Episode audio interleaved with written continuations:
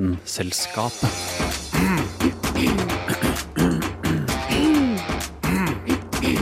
Vitenselskapet. Velkommen til denne utgaven av Vitenselskapet. Vi skal snakke om ting som eh, er liksom litt rart med kloden vår.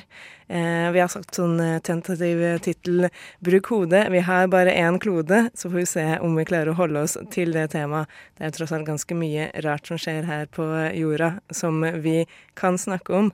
Og vi er også veldig mange. Vi er eh, Hvor mange er vi? Vi er åtte stykker til sammen, eh, så vi kan jo kanskje presentere oss selv. Eh, først så har vi Dag. Dag August Schmedling Dramur er mitt navn. Og så har vi en Dag til. Oppvokst i ei lita grend sånn litt øst for Oslo. Så har vi en Hanne. I slekt med Kristin. Og en Johanne. Hallo. Og Ida. Hallo, jeg er nordlending. Sunniva. Jeg, heter, jeg er fra Asker, da. Og Carl til slutt. Sist, En- men ikke minst. God gammeldags Gudbrandsdøl. Da tenker jeg vi bare snurrer i gang dette programmet. Hæla i taket med Vitenselskapet.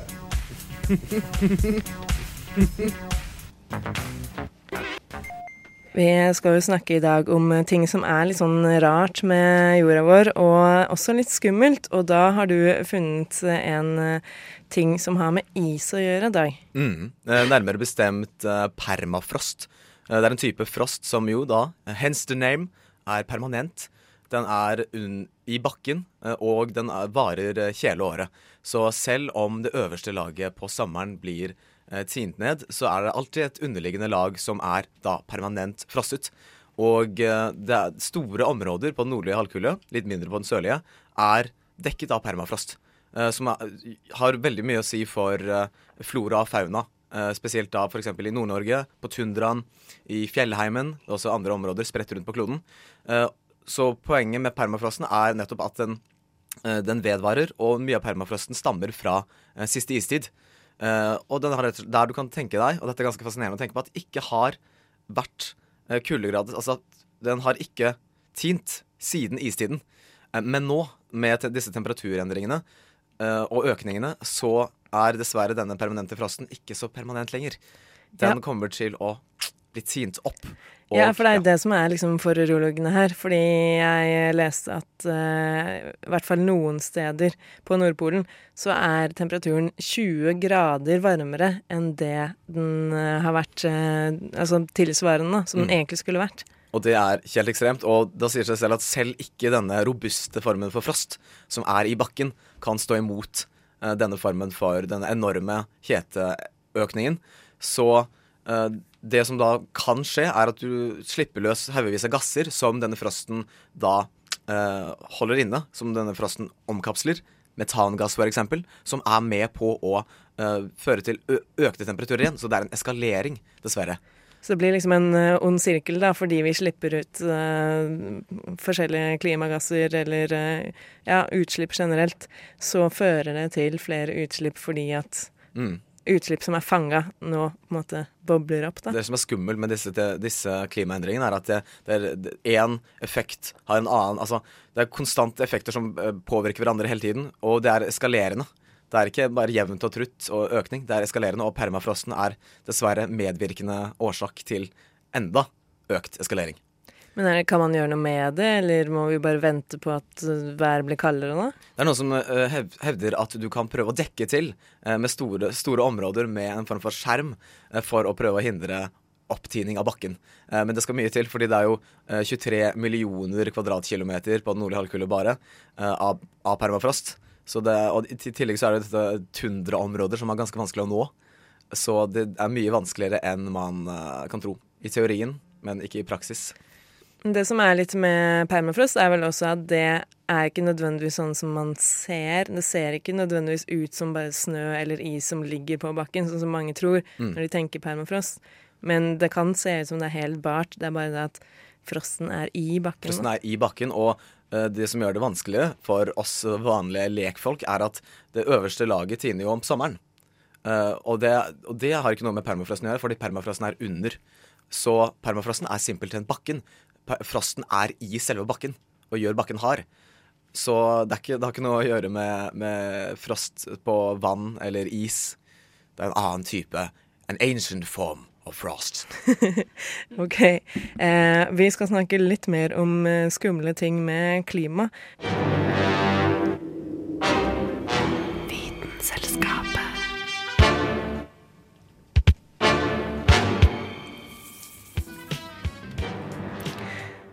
For eh, Carl, du har om en slags eh, vind som snur, eller hva er det egentlig heter? Ja, det har et så fancy navn som quasi-biennial oscillation. Det er en veldig komplisert måte å si eh, nesten hvert andre år så eh, blir det skifting. Det er en pendel som svinger att og fram. Det er altså hver 28. måned, så det er ikke helt hvert andre år. Men eh, dette er en ting som har foregått siden 1960. Et mønster i eh, klimaet vårt. For det er i eh, stratosfæra så er det noen vinder som blåser att fram. En fra øst og en fra vest. Eh, Annethvert år så bytter de plass, sånn at eh, den østlige vinden kommer på topp eller på bånn. Alt etter som det er. Det går att og fram. Eh, dette har jeg sett lenge nå, og det påvirker hva slags vinter vi får. Så med den ene så får vi en varm og blaut vinter, med den andre får vi en kald og turr. Så på det viset har de kunnet forutsett hvordan vinteren blir, da. Men eh, nå, i 2015, så var det noe rart som skjedde. For det, dette mønsteret eh, det, I juni så merka de at det var et eller annet galt. For det hadde ikke snudd. Og det fortsatte et halvår. I juli? I juni. Å ja. Eh, Jeg, tro, å, jeg trodde du sa snødd. Snudd, sa jeg. ja, OK. Fordi det, er fordi det er ikke så vanlig at det snør i juni, og hvis det hadde skjedd, så hadde de jo også forstått at noe var galt. Da hadde definitivt noe vært galt. Men det er ille nok, dette her, altså. Eh, de vet ikke helt hvorfor det skjedde. Eh, de har postulert et par hypoteser. ene kan være at er El Niño-været som var i fjor. Det var en veldig sterk El Niño i fjor, så eh, det kan hende det har gjort noe med denne luftstrømmen. Hvis ikke kan det være den generelle globale temperaturøkninga som uh, har slått ut. Og um, det er sånn at uh, det er òg en klump med varmvær i, i Stillehavet. En klump med varmevær? Ja, det er et område som har et ikke forklarlig eh, eh, uforholdsmessig høyt temperatursamling. Et slags varmehull? Ja. Eh, det kan være noe med det òg, men det er som sagt usikkert. Og det er ikke sikkert eh, hva som vil komme nå. Det kan være det at eh, det blir en kald og turr vinter i Europa. Og eh, det er lov å hoppe på skjogg. Ja, fordi det her er, føler jeg litt sånn, sånn som kjerringråd. eh, Sånn, og hvis det er en rød morgen, og så blir det en, et eller annet kveld Ja, jeg kan ingen sånne kjerringråd. Ja, det er litt det samme med hvis du har uh, ljos i skumringer, så blir det så og så. ja, eller det, på, det er eh, dyret som skal se sin egen skygge Ja, groundhog. Ja, Groundhog Day. Skjugg er det samme som snø. Men eh, det er da en mye mer vitenskapelig måte å gjøre det på. Så det er et eller annet vitenskapelig, men det er så komplisert at uh, oss klarer ikke helt å si hva følgene blir. OK, så vi veit ikke Vi ser at vinden har snudd, og dette her har skjedd annethvert år i Jeg vet ikke hvor lenge de har hatt 60 år. I 60 år. Og så plutselig så er det et år hvor vinden ikke snur. Ja, og følgene av det er som sagt for kompliserte, fordi klimaet er kaosteori. Ja, men det kan jo på en måte ikke være så veldig gode nyheter, tenker jeg. Nei, ting, eh, ting gir deg grunn til å være en pessimist. Ja. Eh, ja, OK, vi får jo håpe da at det ordner seg, men eh, det kan jo Altså, alt er jo forbundet her, så kanskje det har litt med det her med permafrost også å gjøre. Det kan det fort eh, ha, ja. Ja, Vi får jo håpe at det blir en eh, tørr eh, vinter i hvert fall, da. Eller jeg vil jo gjerne ha snø, men eh, jeg vil ikke ha sludd, og det er vanskelig når man bor i Oslo. Eh, ja, ja. Vi skal snakke litt mer om rare ting med kloden. Ikke nødvendigvis miljøting, men bare ting som er sånn Hva er det her for noe? Oslo 2 igjen, Oslo 2. Dette er Vitenselskapet. Radio November, Oskar, Viktor, Alfa.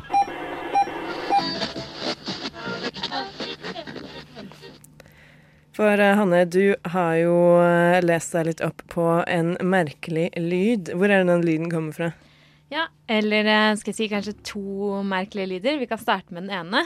Eh, hva er det som er skumlere enn mystiske, uforklarlige lyder som kommer fra havet? Det er jo ingenting som er skumlere enn det. Kanskje mystiske lyder som kommer fra huset ditt når du er hjemme alene. Det er greit. Nå holder vi oss til temaet og kloden her. Eh, Attpåtil så kommer den mystiske lyden her fra Arktis. Helt nord i Canada, nærme Grønland. Et enormt område hvor det bare bor inuitter som lever av å jakte. I sommer så begynte de å høre en mystisk lyd fra havbunnen. Samtidig som alt dyrelivet forsvant fra regionen. Oi, så dyrene på en måte flykta fra lyden, da? Ja. Eh, seler og hvaler og fugler, den type ting som lever nær havet, da. Eh, forsvant eh, sammen med den lyden her. Og um, det canadiske forsvaret de har satt i gang en undersøkelse uh, for å finne ut hva uh, som kan forårsake lyden. Uh, det er jo noen konspirasjonsteorier. Noen sier at gruveselskapene er plassert sånn underjordiske sonarer, eller at Greenpeace har gjort det samme for å skremme vekk dyrelivet, sånn at de ikke blir jakta på. Noe som er blitt benekta, selvfølgelig. Men de har fortsatt ikke funnet ut hva den lyden er for noe, da. Om det i det hele tatt er en lyd. Men hvordan høres lyden ut, da? Eh, jeg er ikke helt sikker. Jeg tror det er bare en sånn lav sånn beep-hum-lyd. Eh, Du må prøve å lage lyden. Eh, ja. Eh, Nei, det, det, det er jo veldig altså, her. dette er mine gjetninger på hva lyden er for noe. Eh, men jeg kan si en annen eh, skummel og mystisk eh, lyd da, som eh, forskere oppdaga i Det karibiske hav eh, i juni. Det er mer en sånn plystrelyd, men ikke noe menneske kan høre det, fordi det er 30 oktaver under den laveste pianotonen. Prøv å lage en sånn plystrelyd. Hanne. Eh, Nå prøver du å lure meg på glattisen, Kristin. Jeg lar meg ikke lure. Jo, kom igjen. Eh, Det her er for forskning, Hanne. Det her er for, Du vet, du du må vet at jeg ikke kan plystre. gi ditt for vitenskapet. Nei, jeg kan, Jo, jeg kan ikke plystre. Jo, jo. Der var det, kom det et plystre. Det var, eh, det var Dag. Hanne, jeg vil høre deg plystre for Se, du klarer det jo. Kjempebra. Ja. Eh, og eh, forskerne, det var jo kjempemystisk. Hva er det som forårsaker den lyden her? Og det fant de ut da, etter hvert. Eh, samsvarer med en sånn eh, bølge, en diger bølge som går over det karibiske hav, som de kaller eh, the Rosseby wave. Um, og jeg har ikke helt skjønt hvordan det funker, men greia er at bølgen um, interagerer med havbunnen. Eh, og ut fra det så oppstår det en slags eh, ustabilitet som skaper en sånn slags plystrelyd, da. Så det er på en måte en bølge som treffer en, altså sånn, en bunn, da. Og så skapes det bølger av den bølgen. Um, ja, uh, på en måte. De sammenligner det her med en fløyteeffekt. En åpen fløyte. Eh, men jeg skjønner ikke helt eh, Jeg skal innrømme at jeg ikke har skjønt helt eh, fysikken bak det. Men kanskje det er litt sånn som når vinden uler gjennom ja, vinduer og andre sånn smale åpninger, da. Kanskje det. Men den er uansett, den lyden er så høy at den kan den detekteres i verdensrommet. Oi! Så det er en underjordisk fløyte. Nei, ikke en underjordisk, en undervannisk fløyte. Eh, som spiller musikk som kan høres ute i verdensrommet. Ja. Eller musikk. Det tar litt tid. ja. Kult. Tenk om eh, vi kunne brukt det her til noe. da. Ha lagd liksom musikk. Ja, det hadde jo vært eh, Det hadde vært kult. Det er kanskje et sånt tema på en eller annen eh, ny prog-skive. Jeg tror ikke de gir ut så mye prog-musikk. Eh, men vi får håpe at de finner ut hva den andre mystiske lyden er, da. Eh, fordi det er jo litt skummelt. Det er veldig skummelt. Vitenselskapet. Vitenselskap. Vitenselskapet. Vitenselskapet. Vitenselskapet.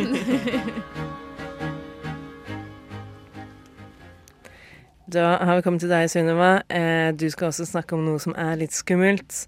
Eh, I hvert fall for oss mennesker. Eh, nemlig kannibalisme, rett og slett. Ja, de fleste kom, forbinder kanskje kannibalisme med Hannibal Lecter eller Sweeney Todd eller noe sånt. Eller noe veldig sånn primitivt. Men det er jo faktisk eh, noen, veldig få, da, men noen menneskegrupper som fremdeles praktiserer kannibalisme i dag. Blant annet Korowai-strammen i New Guinea, som er en av de siste som fortsatt holder på med dette her, da. Og de får lov til det? Det er litt sånn i grenseland. Dette er jo tradisjon, da. Så det, det er, Jeg vet ikke hvor mye de aust- australske myndighetene kan egentlig gjøre med det. De har forsøkt eh, litt, men jeg vet ikke. Eh, men spørsmålet er litt mer sånn kan man egentlig spise mennesker? Eh, og det korte svaret er selvfølgelig det er ja. Det er ikke noe med akkurat menneskekjøtt som gjør at den er noe særlig dårligere energikilde enn f.eks. svinekjøtt.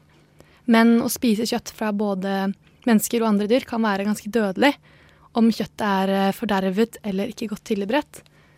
Og dette da kommer ofte av noe som kalles prionersykdommer, som er en, type, en gruppe smittestoffer da, som forårsaker opphopninger av proteinet prion i hjernen, hvilket fører til svært dødelige hjernesykdommer, som f.eks. kugalskap, da, eller Creutzfeldt-Jacobs sykdom, som, som fører til veldig progressiv demens. Um, Prioner består jo da av kun proteiner. og Det er derfor ikke avhengig av et arvestoff for å infisere celler, slik som andre patogener, som f.eks. virus, da, som injiserer arvestoffet sitt, DNA eller RNA, inn i en celle for så å ta over sjappa og utnytte dets livsfunksjoner. Eh, Men om prionene blir muterte, så kan de klumpe seg sammen og i hjernen og bryte ned nerveceller, hvilket fører til at hjernen blir sånn svampelignende, for du får veldig mange små hull. Æsj. Altså, jeg, eh, bare sånn for å ta det helt Du spiser kjøtt, og så er det prioner i det. Ja, eller det, ja, det fører til at prioner, set, sett, ja, prioner setter, klumper sammen. Så ja, det er eh, fordi det er infisert da, i kjøttet. Ja, og så blir hjernen din til en svamp. Ja, Du kan faktisk se det på hvis du tar X-ray, eksempel. Eller, ja, så kan du se at hjernen er litt sånn grå, og så er det masse sånne Ja, ser egentlig ut som en svamp, da. Ganske, ganske ekkelt. Eh, og det fører jo da til at eh, du eh, mister helt kontroll av musklene dine, blant annet. da, Eller kroppen. De er svært resistente, og de kan ikke, lar seg vanligvis ikke behandle, for det er proteiner. Det er ikke, det er ikke, de er jo ikke levende. Det er ikke sånn som eh, bakterier som du kan på en ta noe imot, eller andre ting. da. Mm, drepe. Ja, så ehm, på begynnelsen av 1950-tallet så ble en annen stamme på Ny-Guinea, som heter forestammen, nesten utryddet som følge av en veldig langvarig epidemi av sykdommen kuro, der man stadig mister mer og mer kontroll over kroppen. Eh, først lemmer og så følelser, så den ble av stammene derfor så kjent som latterdøden, da, fordi først så mistet du kontrollen over kroppen, og så i løpet av et år så kunne du ikke lenger bevege deg, spise eller kontrollere følelsene i hele tatt, så veldig mange sånn døde mens de lo, da, som helt gale. Eh, og dette var blant annet kvinner og barn, og nesten ingen under åtte år var igjen i hele stammen, fordi de fant da ut at dette kom av at de spiste fordervet menneskekjøtt under begravelser. Som hadde veldig tradisjon at de kokte hjernemassen da, og spiste den som måtte vise kjærlighet da, overfor den, i stedet for at måte, larver og andre ting spiste de døde, så spiste de dem. da. Liksom, det var liksom, måte litt sånn ja, eh, tribute, da. Så når noen i måte, familien din har dødd av da sykdom, da kanskje, Mm. så tenker du ah, det er en god idé å spise liksom den svampaktige hjernen. Ja, nettopp. Eller, altså, ja, så derfor så har det jo da bare eh, godt eh, klart å eh, formere seg, eller ikke formere seg, men det er bare da klart å komme videre. Så den varte veldig lenge, denne epidemien. Det var veldig vanskelig for australske myndigheter å gjøre noe med det, for det var jo de som på en måte hadde en litt ansvaret da. Um, så endte det med at de måtte bare måte banne, det er ikke lov, dere kan ikke spise hjernemasse. Så det var sånn, ok, da begynte, og da fikk de etter hvert, Det de, kla- de, kan ikke, går ikke an å utrydde sykdommen. Uh, man vet ikke egentlig helt hvorfor mennesker får det engang.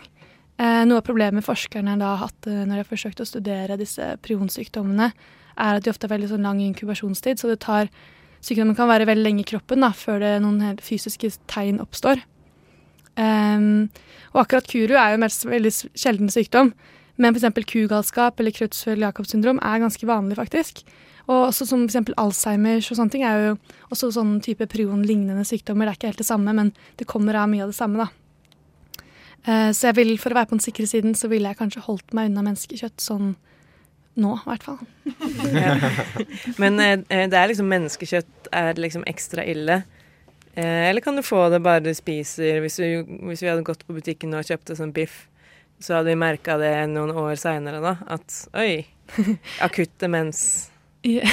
ja, nei Det er faktisk Kugalskap kan jo mennesker få, f.eks. Eh, eller om sånne type sykdommer. mm, De det er jo veldig uvanlig nå, da.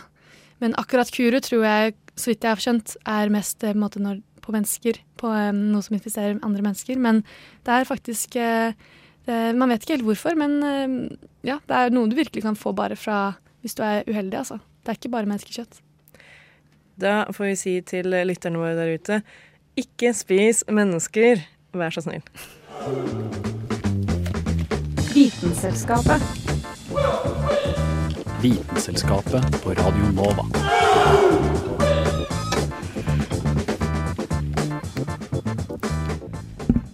Det man derimot kan spise, er det som du skal snakke om nå, Ida. Fordi du har funnet ut litt om hva som er på en måte det sunneste kostholdet eh, vi kan spise. Ja. For å si det sånn eh, Ut på en jakt for å finne ut hva som er det sunneste, så klarte jeg i hvert fall å finne ut at det er himla stor krangel mellom økologisk og ikke-økologisk. Det For å si det sånn, jeg har ikke svaret engang til nå. De fleste forskere er veldig uenige, for det er forskjellige rapporter på det.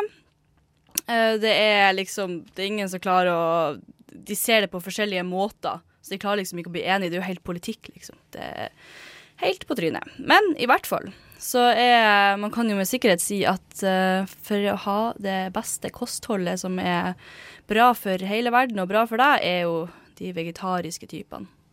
Alle sammen. Uh, det er jo hovedsakelig fordi at uh, det er jo produseringa av kjøtt og utslippene fra dyrene som er de største miljøfiendene.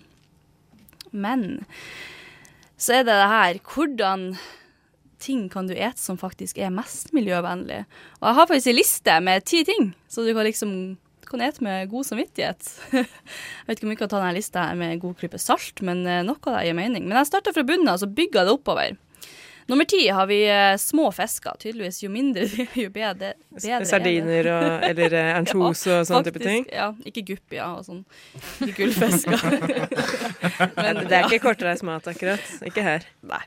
Uh, og så mjuk ost. Jeg, jeg vet sjøl ikke helt hva mjuk ost er. Det er kanskje det er sånn uh, brie og sånn Ja. uh, vanlig altså sånn litt sånn oster som er litt rennende. Ja. Sånn som du ikke kan høvle med ostehøvel, tenker Ja, jeg. Det, det tror jeg òg. Og så har du pære og eple og appelsiner og sjokkerende noe potet.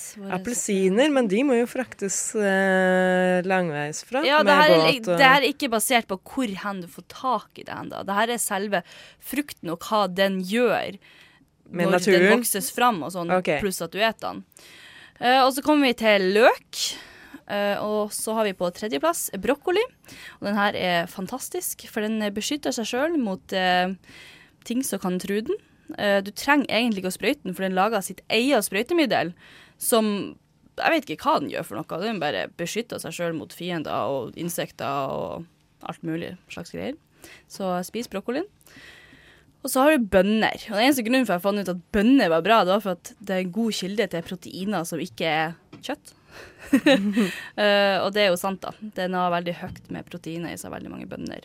Men bruker ikke bønner veldig lite vann? Altså det trengs veldig lite vann for å dyrke det. Ja, det kan godt hende. Jeg vet ikke. Hvis du sier det, så tror jeg det. Det er en grunn for at det er på nummer to. Men nummer én er den beste, og det verste jeg visste da jeg var lita. Herregud, og mamma er nå sur på meg for jeg aldri spiste det, men det er faktisk erter. Fordi at de, samtidig som de produseres, så gir de så mye tilbake at det er nummer én, liksom. De produserer sin egen nitrogen. Altså det driver på med et eller annet i jorda der, som at mens det blir produsert, så det på en måte Den gir tilbake til, til jorda. Den er veldig snill. Så spis erter. For da er du veldig snill mot deg sjøl og mot jorda, for erter er også veldig sunt. Det høres jo ut som man faktisk kunne laget en ganske god middag av akkurat de tingene som er Mhm. på den lista, da. Ikke sant? Kanskje ikke de små fiskene, men det er fordi jeg ikke er så glad i de små fiskene.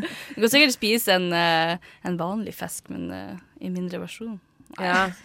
Men da blir det ikke sant, Da får man problemer. Skal det være oppdrett, skal det ikke være bla, bla, Der gidder jeg ikke å gi meg ut på en gang. Nei. Der er oppdrett, det er Det er eh, generelt eh, vanskelig. Egentlig så hadde det vært mye bedre hvis vi bare hadde funnet én mattype som man kunne fortsatt å spise og leve på hele resten av livet. Du, så kjedelig.